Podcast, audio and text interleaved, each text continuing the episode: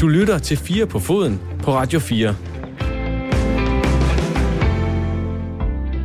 Lavenergipærer, vindstrøm, fri for engangsplastik, kunstgræsbaner uden gummigranulater, sågar en helt igennem bæredygtig spillertrøje. Det kan virke som om, at det ikke længere er nok at være god til fodbold, når man er en fodboldklub i Danmark. Klubberne skal måle deres klimaaftryk. De skal være socialt ansvarlige for deres nærområder. Og for virkelig at være ansvarlige, så skal de også forholde sig til menneskerettighedskrænkelser flere tusind kilometer væk.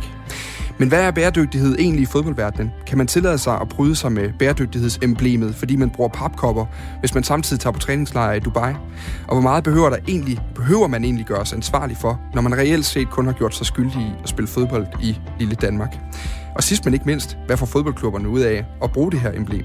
I den næste times tid, der skal vi blive klogere på den bæredygtige og den ansvarlige fodboldklub som fænomen. Hvad er det? Hvorfor findes det? Og er det samfundssind eller bare klubbernes eget skin, de gerne vil redde? Velkommen til Fire på Foden tema.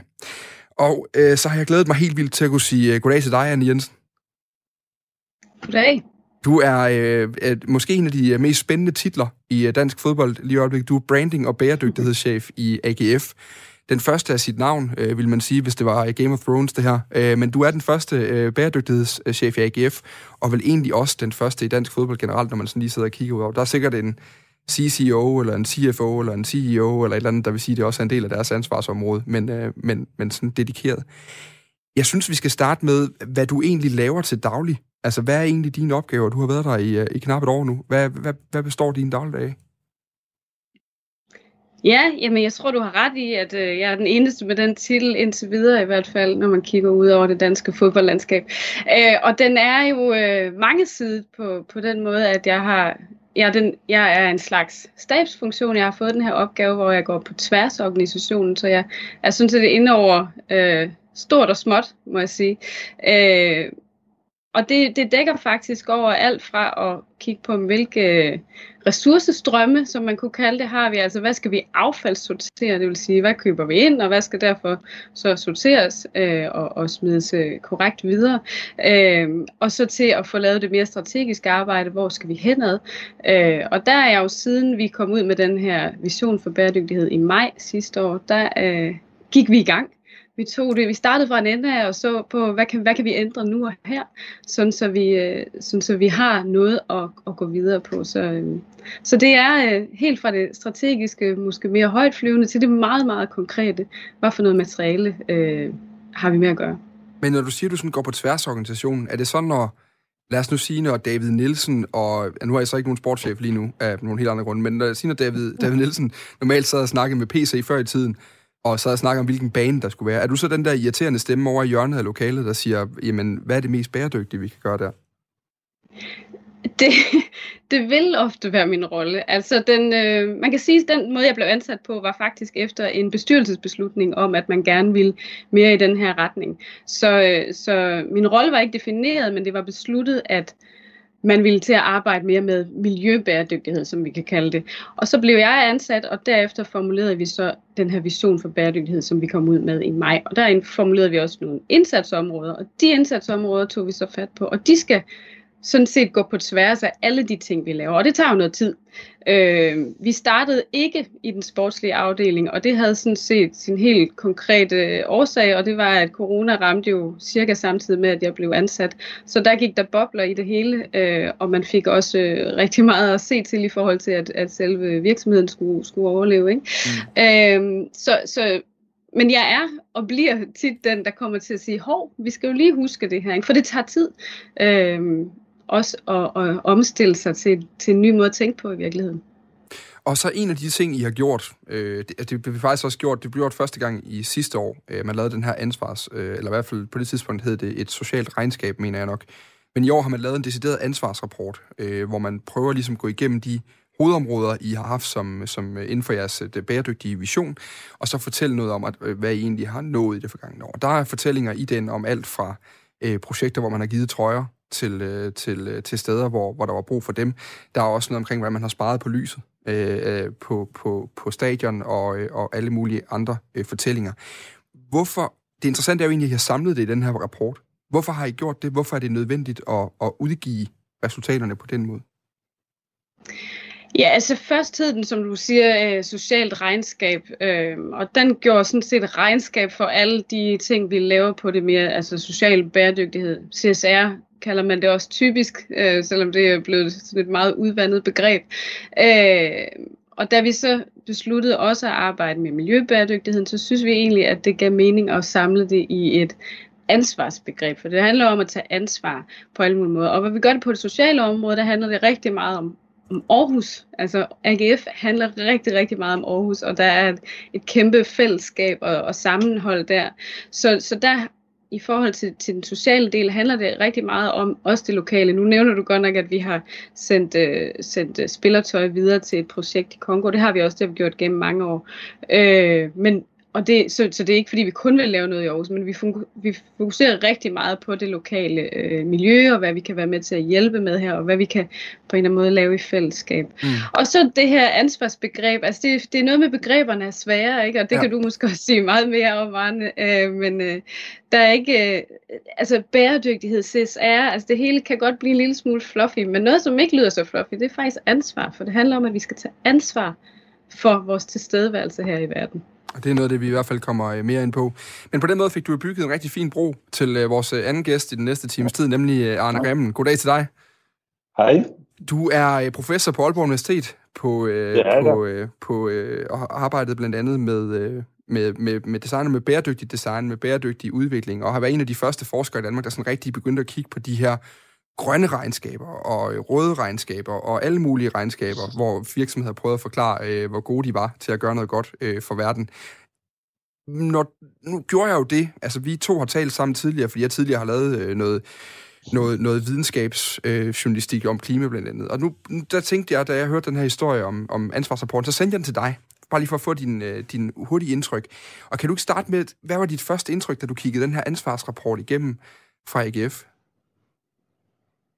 Ja, men det, det allerførste, inden jeg kiggede igennem, det var jo sådan lidt skepsis nu, men, øh, men det blev øh, hurtigt, at måske også jo, øh, det skal gå jo med i billedet, at jeg er jo fra Aalborg og inkarneret OB-fan, så, øh, så derfor øh, skal man jo ligesom se, hvad der foregår i AGF med en, en vis portion sund skepsis, ikke? Men, øh, men jeg tager hatten af efter at have kigget øh, den igennem. Jeg synes, øh, Øh, det, det, er, det, er, det er til at blive glad over at se alle de øh, mange forskellige initiativer, øh, der er. Mm. Og, og jeg synes også, fordi det, det er klart i den retning, altså man har lavet, man kaldte det grønne regnskaber for, for 20 år siden, og nu, nu så har man kaldt det CSR, som, som Anna siger, og nu er det så bæredygtighedsrapporter, som er sådan nok måske det, der er på vej til at blive den typiske øh, betegnelse for det. Ikke? Men, øh,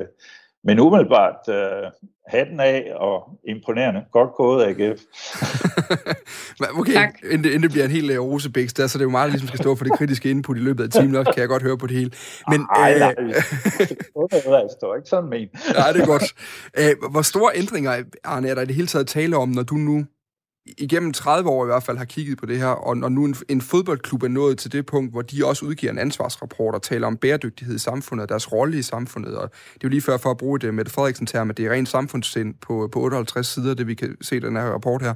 Altså, hvor, hvor stor en omvæltning er det fra, fra da du begyndte at forske det her område? Og jeg tror, du spurgte om dengang jeg begyndte at spille fodbold, fordi der var der i hvert fald ikke nogen, der tænkte på det. Uh, men uh, altså, uh, Altså det der den, den, den store forskel, det er jo det der med, at, at, øh, at man var meget, altså den del, som jeg også synes, I, I gør udmærket i rapporten, at I, I kigger på affald og på energi og så videre, ikke? Altså det var, det var i den grad fokus øh, for, for 20 år siden, ikke? Og nu har, har man så øh, det gode med at, at snakke om, om øh, korp, altså socialt ansvar, er jo, at at man får den sociale dimension af bæredygtigheden med i det, og ikke kun den miljømæssige.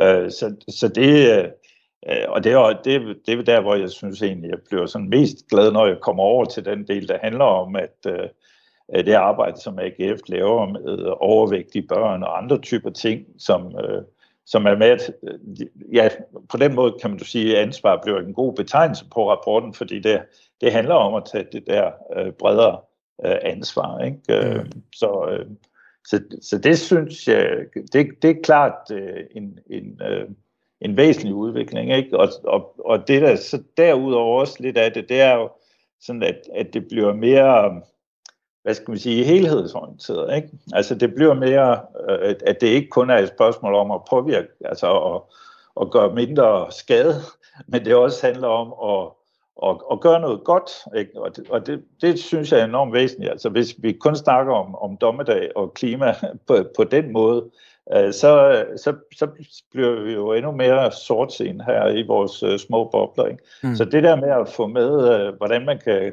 gøre ting bedre og gøre, det, øh, gøre noget godt, øh, både for klima og miljø og så videre, øh, synes jeg jo øh, er en meget væsentlig øh, øh udvikling, der har været gennem øh, de her år. Ikke? Og der, der synes jeg, I kommer godt ind og får balanceret øh, de her ting øh, i rapporten. Så tager vi kritikken senere. Og det gør vi. Vi skal nemlig starte med først lige at blive klogere på, øh, på begreberne, før vi rigtig kan komme ud i, i den her diskussion om, fordi vi skal omkring nogle forskellige spørgsmål. Altså til dels, øh, hvorfor er det overhovedet relevant for en fodboldklub at arbejde med de her ting? Altså hvad, hvad er ligesom, what's in it for them? Men, men vi skal også omkring, altså hvad er reelt set fodboldindustriens store problem, når vi kigger på samfundsansvar, eller øh, om det så er altså klima eller sociale øh, øh, funktioner eller parametre. Men til at starte med, altså du har været inde på det nogle gange nu, Anne. Du var faktisk inde og lave lidt sådan definering, definitionen af tingene, ikke? fordi vi taler CSR, vi taler ansvarlighed, vi taler bæredygtighed, og alle de her ting, de bliver sådan altid i den her debat blandet sammen i sådan en stor pærevælling, og så øh, står der en eller anden og, og sender en pressemeddelelse ud på tingene. Men hvis vi starter med bæredygtigheden i sig selv, øh, over hos dig. Hvad, hvad, hvad er det, I definerer som bæredygtighed? Du har også arbejdet med det i festivalverdenen, øh, det her begreb. Hvordan vil du definere det, og hvordan vil du adskille det fra, fra CSR for eksempel? Øh, jamen, der har vi egentlig taget fat i den definition, som ligger helt tilbage fra 87, som rigtig mange øh, virksomheder baserer deres øh, CSR eller bæredygtighedsarbejde på fra Brundtland-rapporten, øh, FN's øh, rapporten fra 87, som siger noget i retning af, at den bæredygtige udvikling er en udvikling, som opfylder de nuværende gener- generationers behov, uden at bringe senere generationers øh, behov for at opfylde deres muligheder i fare. Mm. Så at være til stede med det, vi gør, med vores kerneforretning, den, det, det, vi, det formål, vi har med, med, øh, med øh, vores virksomhed, uden at bringe fremtidige generationers muligheder for at opfylde deres behov i fare. Det er egentlig den grundlæggende definition. Så kan man sige, for os, så, der, og det er ikke for, at det skal blive alt for teoretisk, men man kan også bygge det på de, de tre P'er, People, Planet og Profit. Og, og, det, og det var ret øh, grundlæggende, da man førte det her profit ind, sådan som jeg forstår det i hvert fald, altså at man ikke bare snakker om, at det skal gøre godt, og det er en investering i at gå godt, men vi skal også have profitten, altså økonomien til at hænge sammen, for at vi kan arbejde for en bæredygtig udvikling. Og det er derfor, det er så vigtigt, at så mange virksomheder nu er kommet med, så der kan investeres i det, sådan så at vi ikke bare skal, skal donere os til det i virkeligheden. Mm. Og det er den definition, øh, vi helt grundlæggende baserer det på. Og det er jo ikke en, man kan sådan... Øh, hvad kan man sige, det kan også blive for, for voldsomt at rejse rundt med den definition hele tiden, ikke? men det er egentlig den grundlæggende definition, vi, vi øh, tager udgangspunkt i. Og Andrem, du har siddet og nikket rigtig meget omkring det her. Jeg ved, at den her Brundtland-definition af bæredygtighed er også det, man arbejder med ofte, når man, både når man har skulle bygge verdensmål op, og når man har øh, skulle lave alle mulige andre ting på det her område. Øhm, men, men når vi taler om, om så de, de forskellige måder, virksomheder ligesom kan aktivere, aktivere de her begreber på, så har vi jo altså sådan i mange år talt om, altså enhver større virksomhed i Danmark havde med respekt for sig selv, havde jo en CSR-ansvarlig i hvert fald, øh, og CSR står for Corporate Social Responsibility. Men, men hvad er forskellen på at kigge på det CSR-mæssigt, og så kigge på det sådan bæredygtighedsmæssigt og ansvarligt? Altså er der, er der forskel i de her ting, i, i den praktiske håndtering af tingene? Ja, ja, det er det. Altså, fordi øh, du kan sige, at grunden til, at corporate social responsibility øh, har været så dominerende begreb, er jo, at, at der, der lige skete noget, der hed en globalisering. Altså, førhen, der gik du ned om hjørnet, og så kendte du syrsken, og der syede de tøj, eller, eller du kendte en landmand, der, der, der, der øh, groede dine grøntsager og sådan nogle ting, ikke? Altså, der var du jo tættere på, ikke? Altså, så jo mere globale varekæder du har fået, jo mere har man så været nødsat til også i virksomheden at kende, hvad er det så, der foregår, ikke? Altså, mm. du, man, der har jo været masser af mediesager øh, gennem tiden, hvor at man som virksomhed er blevet holdt ansvarlig for, hvad en producent i Indien har gjort, ikke? Øh, så, så, så det handler egentlig om, om, og at, at virksomhederne har skulle tage det der globale ansvar også, fordi at det blev til øh, globale varekæder. Ikke? Øh, og så har man så i Danmark øh, altså øh, mere snak om socialt ansvar og så videre, ikke? Øh, øh, og det er måske også sådan, øh, det, det der blevet det mere typiske, ikke? At, øh, at, at fokusere på det. Ikke? Øh, jeg ved ikke, øh, så mange globale varekæder går AGF jo ikke ind i måske. Altså der, jeg ved ikke, hvordan det er med de europæiske turneringer og sådan noget, men, men det kommer måske. Uh, men, men, men altså, i, i, øh, i forhold til at, at tage... øh, jeg, jeg synes, der er en god balance. Der er ikke så meget om den økonomiske dimension i det, men der er en god balance mellem øh, de tre dimensioner, jeg nævner, ikke? Altså med det, det sociale og det miljømæssige. Det er, det er godt balanceret øh, i rapporten. Ikke? Mm. Og så det, det der måske øh, også er det nye, og som, nu nævnte du selv verdensmålene, ikke? Øh, og, og nummer 17 verdensmål, som hedder partnerskab, er jo i mit hoved øh, det måske allermest centrale, fordi det er jo det, vi, altså, vi bliver nødt til ligesom at forstå, at mange af de opgaver, vi står overfor, det er ikke noget, vi som en enkelt virksomhed, eller som AGF, eller som er universitet, øh, kan løse øh, som enkeltpersoner eller som enkelte virksomheder. Det er noget, vi bliver nødt til at samarbejde om. Ikke? Mm. Og, det, og det, øh, jeg vil måske have skrevet en fælles ansvar for nu at lave en lille krigsting ind i forhold til rapporten, for ligesom at understrege det der med, at det i høj grad også handler om at, at arbejde sammen om de her ting. Ikke? Mm. Og, og, og det, det synes jeg faktisk er en af de gode ting, at der bliver vægtet øh, det med fansen meget øh, i rapporten, men øh, måske også en af de der ting, hvor man kan sige, øh, der, der er mod, øh, potentiale for at, at tage nogle yderligere initiativer. Anne? Ja, og det øh, jeg er fuldstændig enig. Altså, jeg mener også, at vores, vores største potentiale ligger lige præcis der. Altså, vores potentiale for forandring er langt større end vores reduktion af ressourceforbrug nogensinde bliver.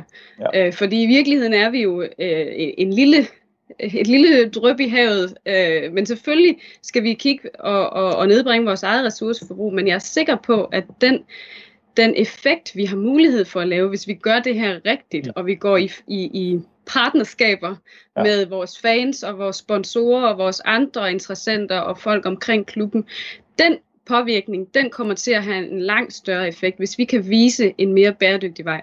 Men, men Anne, det er et meget eksempel, det her Arne han kommer med, der handler om, at hvis vi har tøjproducenten i Danmark, hvor, hvor vi i pressen kan være på nakken af dem, fordi de får produceret deres tøj under kummerlige vilkår i Indonesien eller et eller andet den stil, så kan man sige, der er der noget CSR i, man går ind, og hvor CSR måske mere har været en damage control, og været en ja. eller anden form for at beskytte virksomheden mod møgsager, fordi man ikke gør tingene på en ordentlig måde, som, som giver mening i forhold til mennesker og alt muligt andet. Og måske netop sætter profit over mennesker og planet, hvis vi nu skal tale de her tre P'er på, på dansk.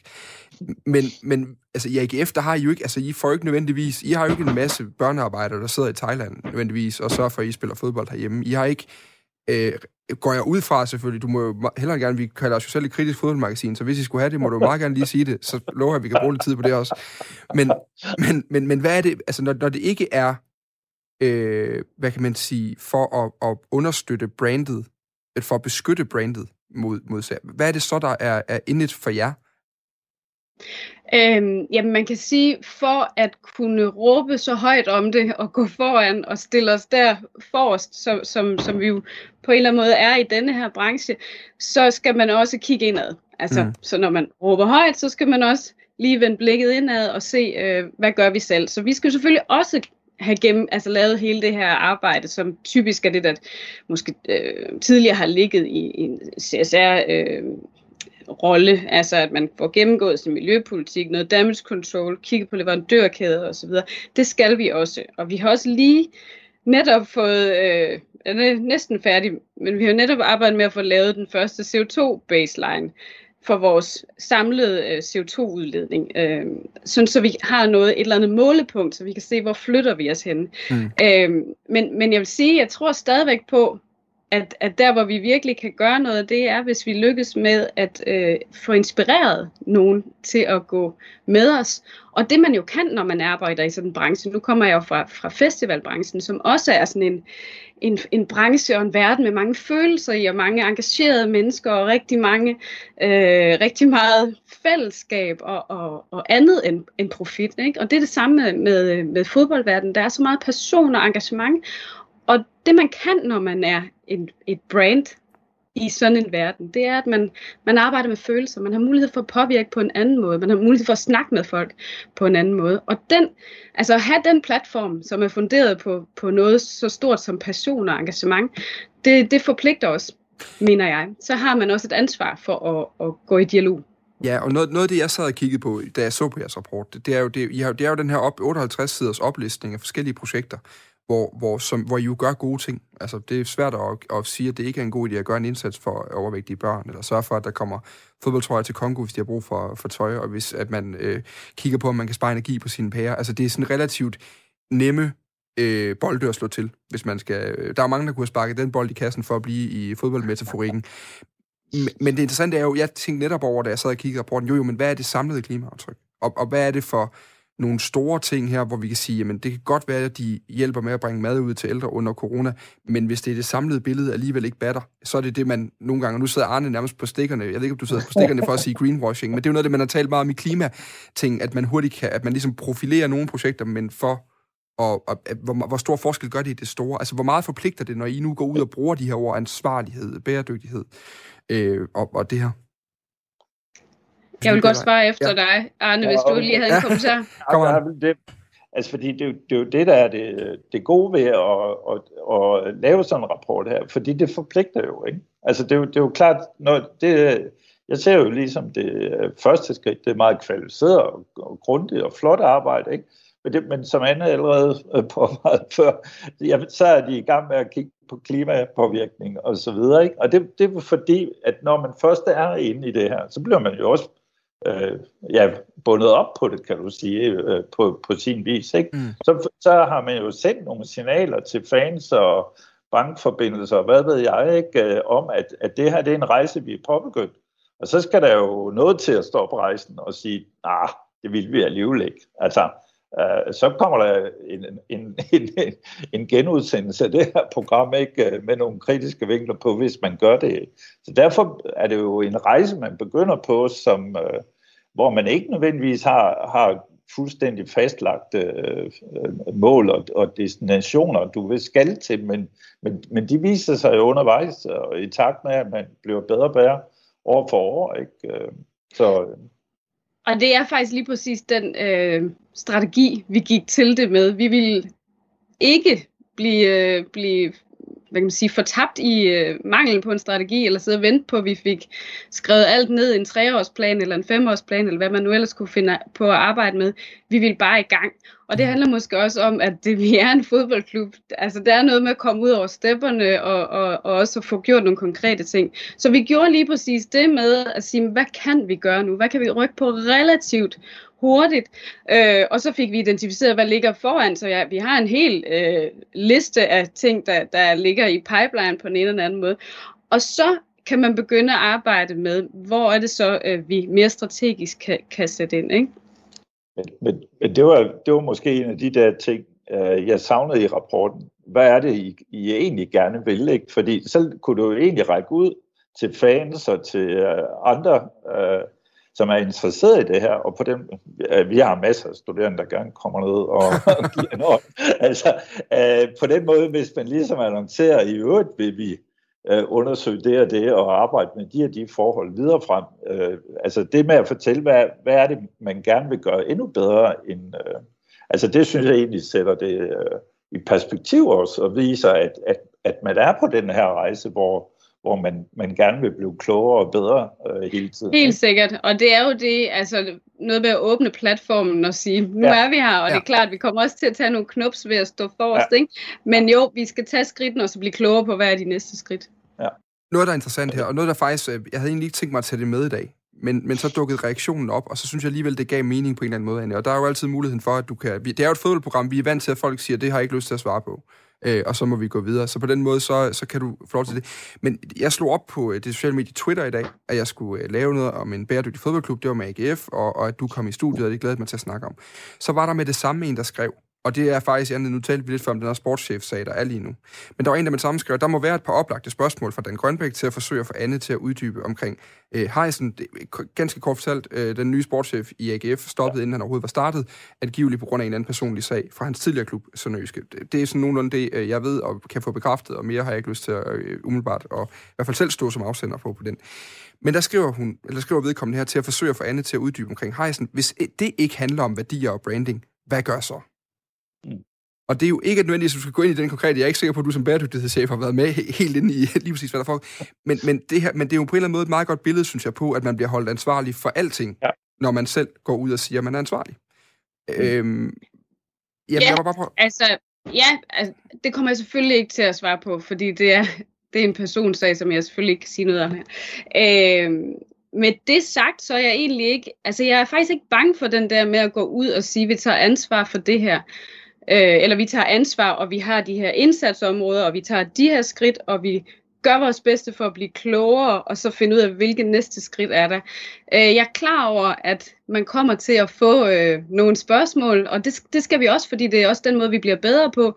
Men jeg vil ikke lade være med at fortælle om de gode ting, vi, vi vil og har ambitioner om, i frygt for at blive angrebet med spørgsmål. Så vil jeg hellere tage spørgsmålene og så se, hvor det kommer hen.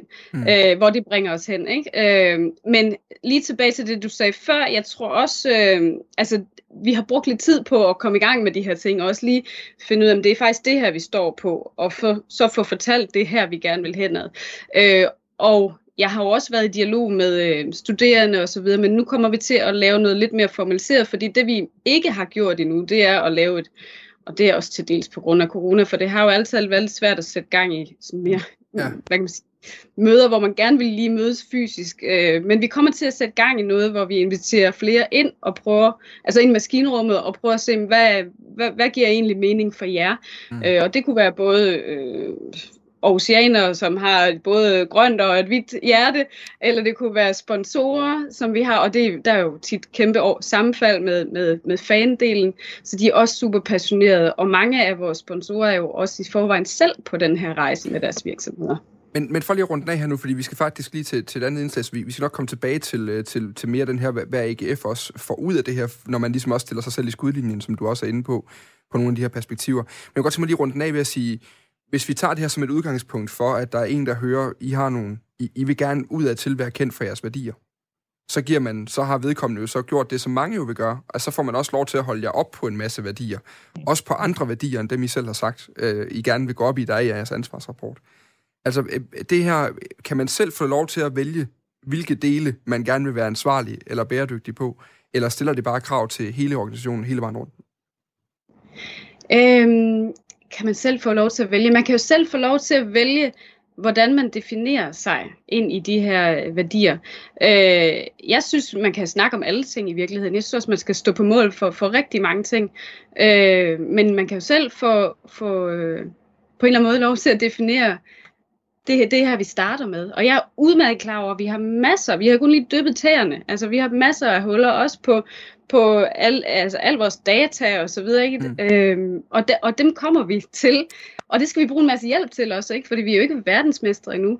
Men jeg synes ikke, man skal afholde sig. Altså, og det er det, der nemt kommer til at ske, hvis man tror, man skal stå på mål for det hele lige fra starten. Altså, så knækker man nakken, inden man kommer i gang.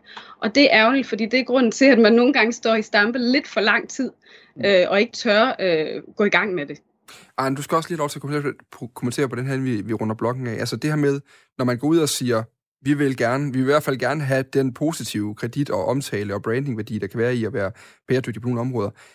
Kan man så også vælge, hvilke områder man har lyst til øh, kun at blive målt på?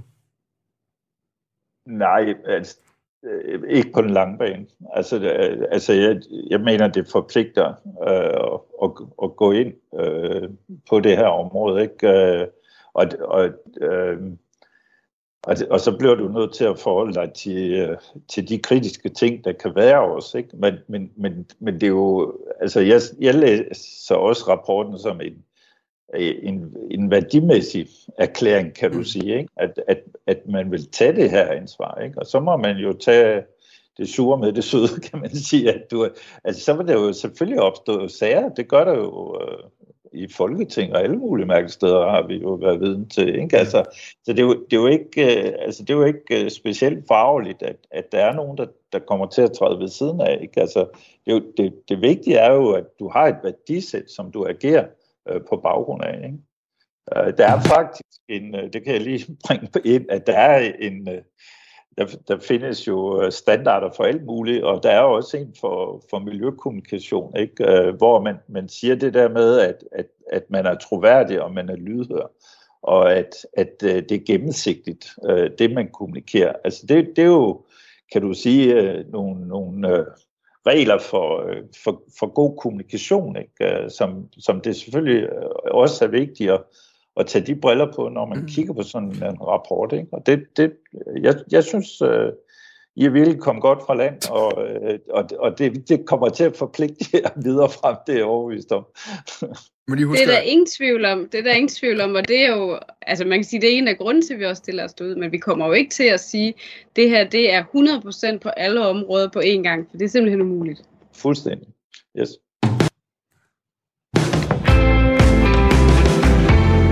Så kunne den endelig komme på, den fordømte skiller.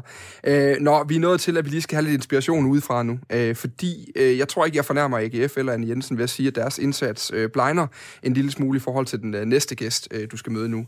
Engelske Forest Green Rovers er fodboldmæssigt bestemt ikke noget særligt. De ligger godt til i Englands øh, fjerde bedste fodboldrække, hvor de hver uge spiller mod så inspirerende mandskaber som Stevenage, Grimsby Town og Scunthorpe.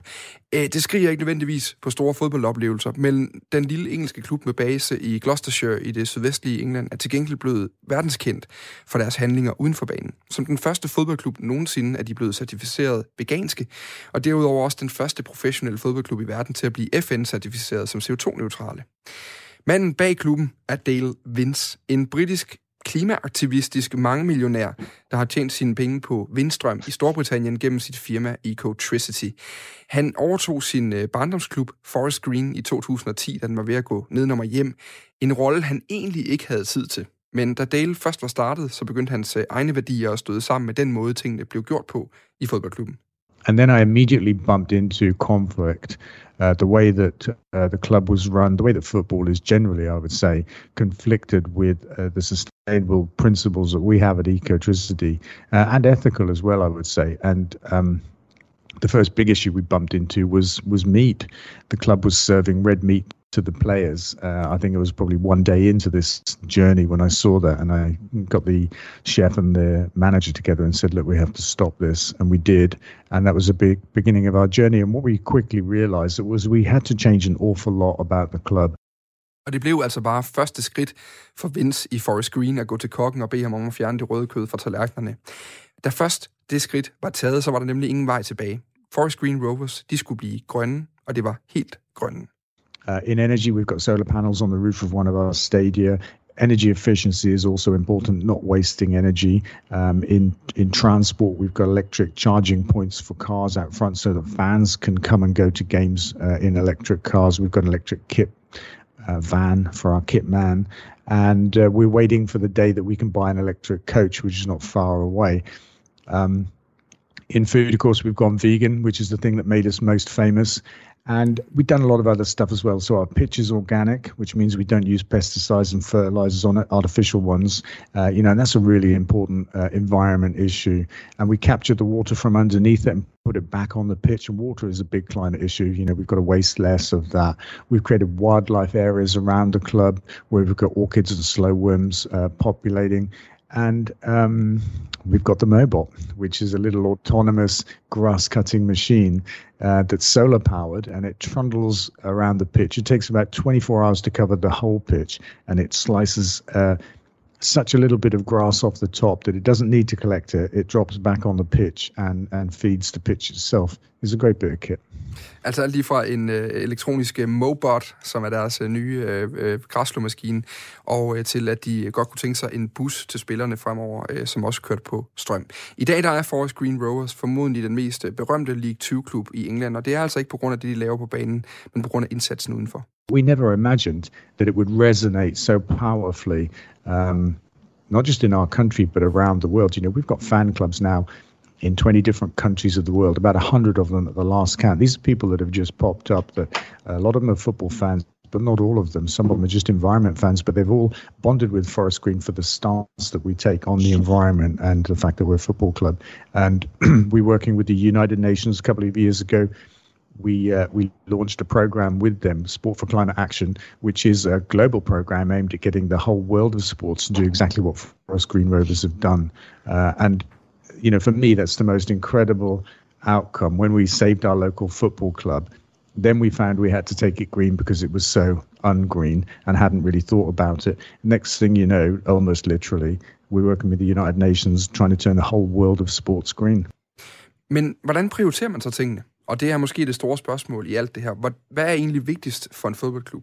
Er det resultaterne i weekenden, eller er det resultaterne i ansvarsrapporten? As a football club, we have to have a good football outcome, not at any cost, obviously, but it's a really important thing. We walk on two legs. One of those is an environment leg, the other is a football leg. So we have to play exciting football. Uh, we, we like to be successful, but we build sustainably to achieve that we build the infrastructure around uh, the football side for the training, the medical, the science, uh, that kind of stuff, and and the facilities. We use data to recruit and to analyze matches and support the coaches and that kind of stuff. So it's a modern, progressive approach to getting results.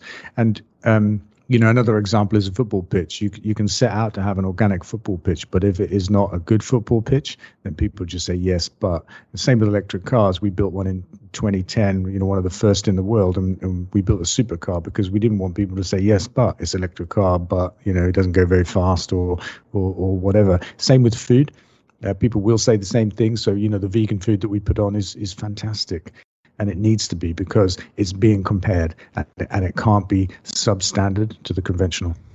De seneste år, der har de allerstørste klubber i England, altså Arsenal, Manchester United, Manchester City og Tottenham, også kastet sig ind i den her kamp for at blive grønne og for at hjælpe klimaet. Men der bliver stadig ikke gjort nok, mener Dale Vince. Well, I, I think they don't do enough. Um, no doubt about that. but they're getting started, which is a good thing. And I prefer to kind of celebrate the things that are being done than bemoan the things that are not being done. But if you ask me, are they doing enough? The answer has to be no, they're not. And I think actually in the Premier League at that level, it's so much easier. It's easier than it is our level at League Two. And, you know, we talk to a lot of clubs in non league who also on this journey. It's much harder for those guys because they have s- such smaller budgets or less access to money. The things that need to be done are very simple and straightforward and easily affordable at the Premier League level. They just need to, uh, you know, kind of grasp the net already and say, look, we're going to make these changes. Chelsea last year, about this time last year, just before the pandemic struck, uh, opened up a vegan only catering outlet. I think the first one actually in uh, in football at that level for sure. And and I think that was a massive step. We know that Arsenal are going to um, make similar moves soon, and and they've signed up to the UN climate uh, program that we're a part of as well. So you know things are happening. I would just say that like life in general, they're just not happening fast enough because we've got about ten years to save the world. We've got about 10 years to save the world, som han lige rundede af her. Men det, der for alvor jo er forskellen på Forest Green Rovers, som jeg ser det i hvert fald, og de andre i gamet, det er, at bæredygtighed er enormt langt højere oppe på prioriteringslisten, når der skal træffes beslutninger. Altså det stråler tydeligt igennem, når man taler med Dale Vince, og der kom jeg til at tænke på et enkelt eksempel, hvor det skinner ekstra klart. Øh, Anne Jensen, er det ikke noget med, at I er i gang med at skulle bygge et nyt stadion? Jo, det er vi, eller det er Aarhus Kommune. Hvordan tænker I bæredygtighed ind i det? Og nu, altså, der kan du nok høre, jeg driller dig helt vildt nu, for der kommer et uh, klip mere fra Dale Vinds lige lidt. Vil du ikke bare spille det nu? and actually, this Danish club that I'm talking about, AGF, they're also right now looking at building a new stadium. Uh, you just had the plans for your new Eco Park approved by the EFL, as far as I can read. Could you uh, recommend building a stadium out of wood? I would. I would recommend it very much. Well, not because we've done it and we have experience of it, but just because, from a point of view of principle, if you want to have a low carbon footprint stadium or any kind of building, actually, then wood is your go to material. Uh, because of the of the low embedded carbon footprint and what we discovered in the process of searching for a, a, super eco design for our new home was that 75% of the carbon footprint for a sports stadium for its entire life comes from the material it's built with. It's not about the running cost in terms of energy for you know 50 years or something. It's it's there on day one in concrete and steel. By avoiding that, by using wood, uh, that you achieve a great deal. And wood is a beautiful material to be around. Det, det er jo selvfølgelig for at drille lidt, fordi I går og kigger på Kongelund lige nu sammen med Aarhus Kommune, og øh, der er projekteringer i gang med det. Men, men det er et meget godt eksempel på det, de gør i Forest Green Rovers. De ser simpelthen først på en, en bæredygtighed frem for alt, og vi kan se, det store problem er der, så det skal selvfølgelig bygges af træ. Jeg er ikke sikker på, at man kan bygge... Altså, der, skal, der kan være 5.000 på deres kommende træpark. Jeg er ikke sikker på, at det er nok til et uh, fodboldstadion i Aarhus, hvis man hører på Jakob Nielsens ambitioner for fodboldholdet i hvert fald. Men, men, men for at tænke det ind som et nyt eksempel, det er et nyt projekt, de skal til at lave, hvor stor en rolle får bæredygtigheden at spille i sådan et projekt? Jamen, man kan jo se på øh, min rolle i virkeligheden, fordi det er jo Aarhus Kommune, der, er bygherre, der bliver bygherre på det. Øh, og jeg er sammen med Jakob Nielsen og min kollega Bo Jensen en del af den her stadionudviklingsgruppe sammen med Kongelundssekretariatet i kommunen. Så det er, vi er de tre personer, der er med, og jeg står jo øh, på en, øh, et, et bæredygtighedsspor der. Øh, og bare det, at jeg er med i det arbejde er egentlig et ret klart og tydeligt signal, i hvert fald fra vores side, fordi nu skal vi jo have lavet det her arbejde øh, sammen med kommunen om, hvad, hvad gør man så? Og altså, rådgivere indtil videre har der også sagt, at det kan godt blive svært at bygge til 25.000 øh, i træ, og Forest Green Rovers har heller ikke gjort det endnu, skal man jo tage med, selvom det er nogle flotte skitser, øh, jeg også har set. Øh, men det er klart, der vil man kigge på hele øh, projektet og se på, hvordan kan man bygge det bedst muligt. Og der er jo også kommet, altså vi er jo hjulpet rigtig godt af den udvikling, der også sker i byggebranchen lige nu, hvor man kigger på nye materialer. Hvad kan man med beton, som jo selvfølgelig er øh, et, et materiale, som man, man man bygger ret meget af stadion i, og som kan sige at være lidt problematisk. Og der er man jo i gang med at, at udvikle på det. Øh, kan man sige, at man laver mindre i stål og så mere i træ, eller kunne man arbejde med træ til noget af det, der ikke er de bærende konstruktioner, og, og så få øh, meget af den her... Øh, ja, indlejret, altså få, få brugt træ til at indlejre CO2 med, og mm. også få det her, øh, som han siger, det flotte udseende, ikke? fordi det er jo rigtigt nok. Og der er jo nogen, som øh, er også er meget mere øh, tekniske end mig, som skal ind og se på, hvad er faktisk mulighederne her. Ikke? Men det er klart, det er en del af hele øh, ambitionen for det kommende nye stadion, at det skal være et moderne, intimt, øh, og det er jo sådan lidt en reaktion på, hvordan det nuværende stadion er, men også et bæredygtigt stadion, hvor, hvor fanoplevelsen og stadionoplevelsen er i centrum.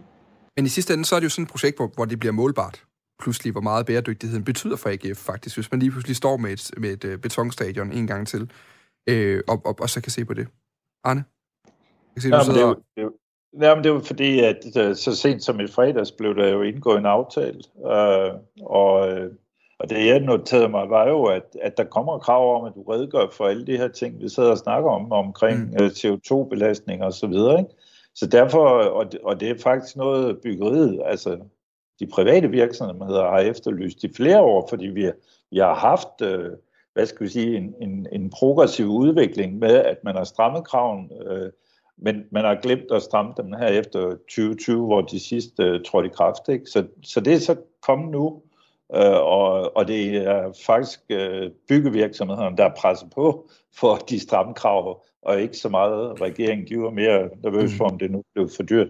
Men, men, men lige, altså fordi, altså nogle gange er det jo også et spørgsmål om at være kreativ i forhold til at kombinere nogle materialer. Ikke? Altså vi er, har i flere år arbejdet sammen med Aalborg Portland i forhold til at lave noget grønnere cement, altså ikke i farven, men i øh, altså CO2-belastningen øh, af det, ikke? Og, og det kan de godt gøre, så øh, ikke, ja, men lige præcis bruge til stadion, mm. men, øh, men, men du kunne i princippet godt uh, definere, hvad CO2-aftryk du vil have, i hvert fald hvis du skal lave en, en større infrastruktur, men, uh, og, og så få cement, uh, der, der svarer til det. Ikke? Så, så kombination og uh, ja, vil, vil jo være oplagt at kigge ja. ned i, hvad muligheder der er der. Ikke? Men en... øh, så, længe, så længe man holder sig fra aluminium og stål og nogle af de andre ting, eller reducerer det betydeligt, ikke? Altså, øh, så, så er det jo øh, vigtigt.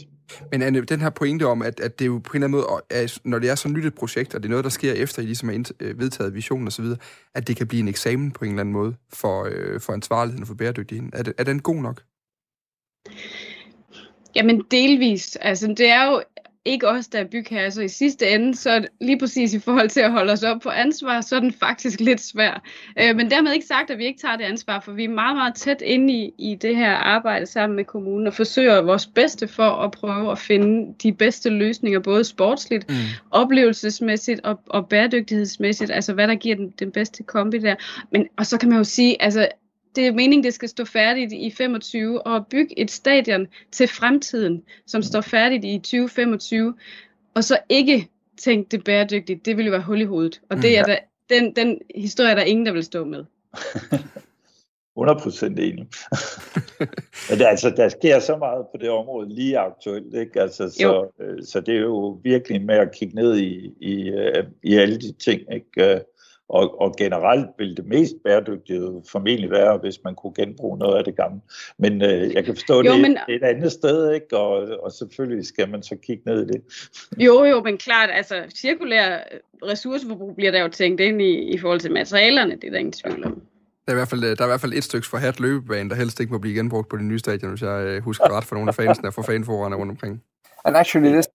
Nå, øh, der var lige en lyd, der gik i gang der, men det var faktisk ikke, øh, det skal vi slet ikke høre på nu, fordi vi har, vi har været lidt omkring de store øh, øh, ting i AGF, den her ansvarsrapport, og det bliver hurtigt den, vi diskuterer konkret, fordi den er et meget konkret eksempel på en udvikling i mange fodboldklubber lige nu, øh, at, at de også begynder at skulle orientere sig på, på bæredygtighedsområdet. Jeg taler med øh, Anne Jensen, som er brand- og bæredygtighedschef i AGF, og øh, så har jeg også øh, professor Arne Remmen fra Aalborg Universitet med, som har forsket i, øh, i grønne regnskaber og øh, hvad de ellers er blevet kaldt over de sidste 30 år.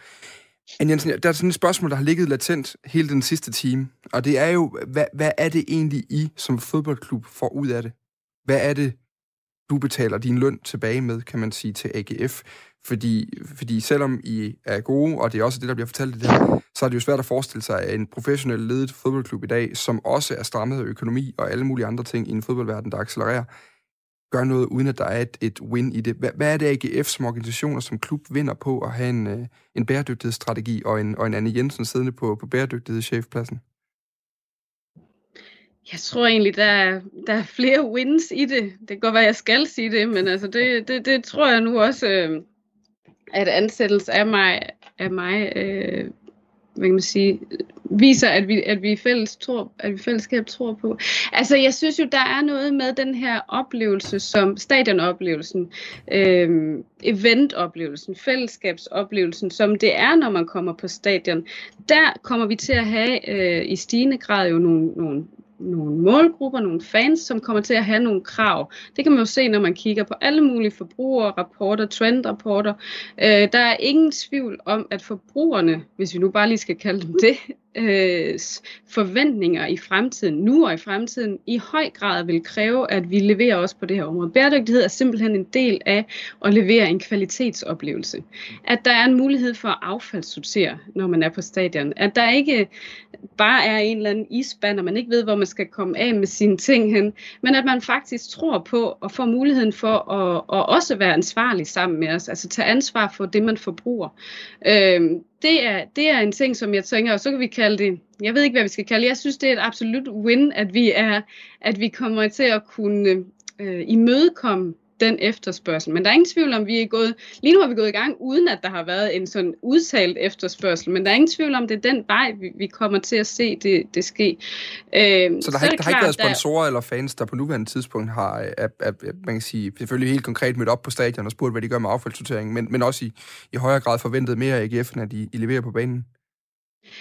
Øhm, jo, altså på nuværende tidspunkt er der, øh, det, er vi så, det er så selvforskyldt, øh, men før det, der var ikke et, et særligt pull for det, øh, men jeg kan sige, da jeg blev ansat, øh, som jo totalt ukendt i øh, fodboldverdenen, øh, der startede jeg med at få, altså efter vi lancerede den her vision, der startede jeg med at få en 15-20 mails fra fans og sponsorer, og igen, der, der er overlappende øh, kategorier der, øh, som bare sagde, mega fedt. Det, jeg er så glad for, at min klub øh, går i den her retning. Altså egentlig ikke andet end, at det skulle jeg bare lige vide. Mm. Øh, og det synes jeg i hvert fald taler til, at, at der har været nogle forventninger trods alt, eller der i hvert fald måske var en eller anden form for forløsning, da vi så kom ud med det.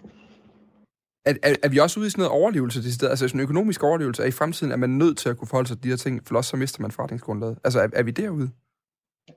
Ja, det er jeg faktisk ikke meget i tvivl om. Altså det er bare et spørgsmål ja. om, hvornår det sker. Jeg kan se, at du også er... sidder og kæmper for at komme med, Arne. ja. Nej, men så er det i hvert fald i forhold til mange brancher, ikke? at det er, det er et must. Altså det er en del af, af, af det, man skal ind til. Men jeg synes også, at vi skal passe på med ikke at, at, at i tale sætte for store modsætninger. Ikke? Altså jeg tænker meget med det der øh, veganske eksempel, altså, som åbenbart lyder som det mest grænseoverskridende, de kunne finde på i, i England. At, at, og hvis man kender deres mad i øvrigt, så kan man måske forestille sig det. Men, men, men jeg, jeg synes jo, at det må være chokerende, at man... Altså, jeg havde selv nogle udenlandske gæster, der boede på et OB-talent øh, øh, øh, sted i, i Aalborg, ikke? og var da chokeret over det mad, man serverede til, til sportsfolk. Altså, det, altså fordi... Altså, Altså, du skal jo have en speciel kost for at performe professionelt øh, i sportsverdenen, og, og det der med, at man bare har spist øh, bøffer og, og sovs og kartofler i læsevis førhen, øh, er det, er det totalt øh, skudt i hovedet i forhold til at lave en god sportspræstation.